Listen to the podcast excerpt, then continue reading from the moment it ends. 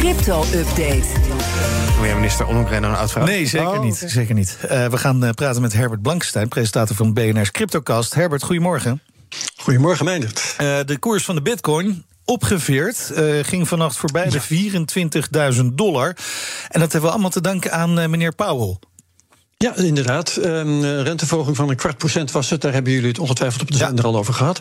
Ehm, werd ook verwacht. Het was meer wat Powell erbij zei. Eh, nieuwe woorden leren. Let op dat het disinflationaire proces is begonnen. Daarmee hebben we het lelijkste woord van 2023 Zo. volgens mij alweer te pakken. Vrij vertaald is dat het middel werkt. Het gaat beter. Tenminste, het gaat minder slecht. Eh, Want je geld wordt nog steeds minder waard. Alleen het gaat minder hard. Eh, de bitcoinmarkt vond dat in elk geval mooi. En er werd eventjes een record voor het jaar neergezet. Het was vannacht 24.161,27 dollar. Volgens CoinMarketCap. Dus Ja. wat dat betreft is februari goed begonnen. Ja, eh, altijd nog zien of ze dat volhouden bij de bitcoin. Ja. Maar eh, we gaan naar de financiën van Celsius. Die zijn namelijk onderzocht. Het failliete leenplatform is dat. Ziet er niet best uit, hè? Want het P-woord is inmiddels gevallen. Ponzi. Ja, inderdaad. Ehm, eind september eh, heeft de faillissementsrechter in deze zaak een onderzoeker aangesteld. Die moest de financiële geschiedenis van Celsius in kaart gaan brengen. Eh, de, de dame heet Shoba Pillay. Die heeft nu een rapport gepubliceerd van 470 pagina's. Dat is nog zonder de bijlagen. En daar staan bijzondere dingen in. Eh, dat Ponzi-aspect zal ik meteen bij de kop nemen. Eh, wordt veel gebruikt, zoals je weet, als geldwoord. Een beetje Ja. een stokpaardje van mij. eh, door mensen die zich niet in crypto willen verdiepen. en ook niet weten wat een Ponzi-fraude eigenlijk Ja. is. Mevrouw Pilet weet dat wel hoor. En eh, die brengt het heel zorgvuldig. Het eh, zit zo in elkaar. Celsius beloofde zijn klanten rendementen die niet te maken hadden met de opbrengsten. maar die waren bedacht om concurrenten af te troeven. Ehm, tot en met juni 2022 heeft Celsius zijn klanten 1,36 miljard meer rente toegekend, bijgeschreven op hun rekeningen, dan het zelf verdiende met de crypto's van die klanten. Ehm, en voor zover nodig werd het aangevuld met reserves. Ehm, was niet altijd nodig, want het meeste werd niet eens opgenomen door die klanten. Dus het was allemaal papierwerk, gewoon eh, eh, getalletjes op rekeningen veranderen. Ehm, op 13 juni werden de opnames gestopt, want toen ging het te slecht met Celsius. Al met al, zegt mevrouw Pilet, zijn van 9 juni tot en met 12 juni... en mogelijk op andere momenten... gelden van nieuwe klanten gebruikt om bestaande klanten te betalen. Ja. En dat voldoet aan de definitie van Ponzi- Ponzi-fraude. Dus gedurende die vier dagen heeft Celsius Ponzi-like gewerkt... zoals zij Ja. in dat eh, hele dikke rapport heeft geschreven. Dat is wat betreft eh, de Ponzi. Zijn er nog andere interessante malversaties? Ja hoor, genoeg. Dat begon in 2018 al met de, de ICO, de Initial Coin Offering van Celsius. Daar, daar werden tokens bedacht en verkocht aan het publiek.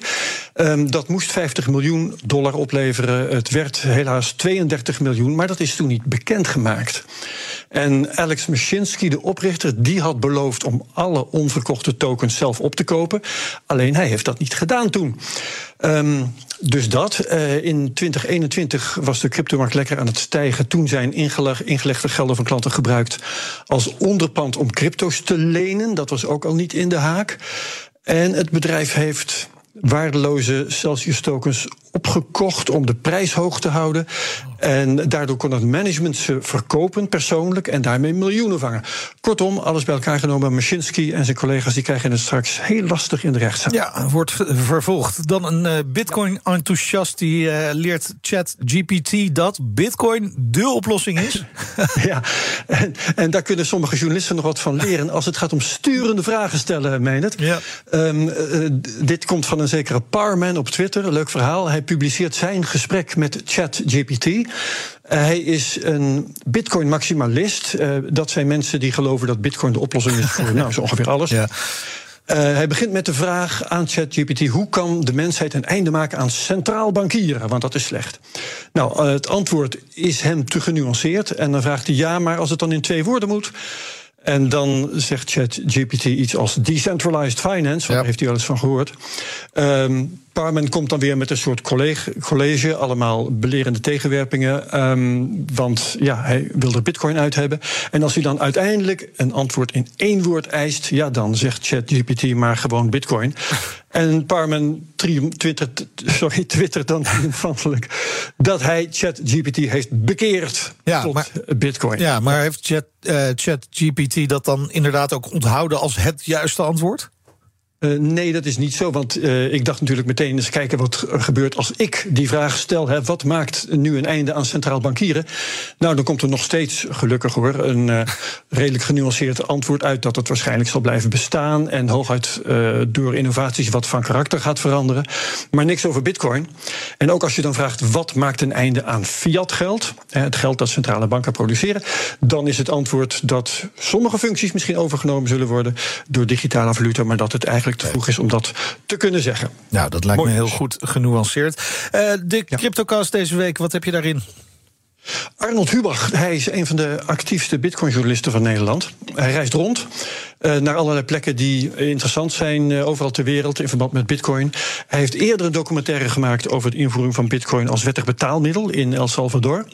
En nu heeft hij een nieuwe film, gaat over Boracay. Oh ja eiland van de Filipijnen, uh, waar intussen zoveel bitcoins, bitcoin, sorry, zoveel winkels bitcoin zijn gaan accepteren, dat je je hele uh, vakantie als toerist geen pezels nodig hebt. En dat is mooi, want pezels wisselen kost je 6,5% wisselkosten.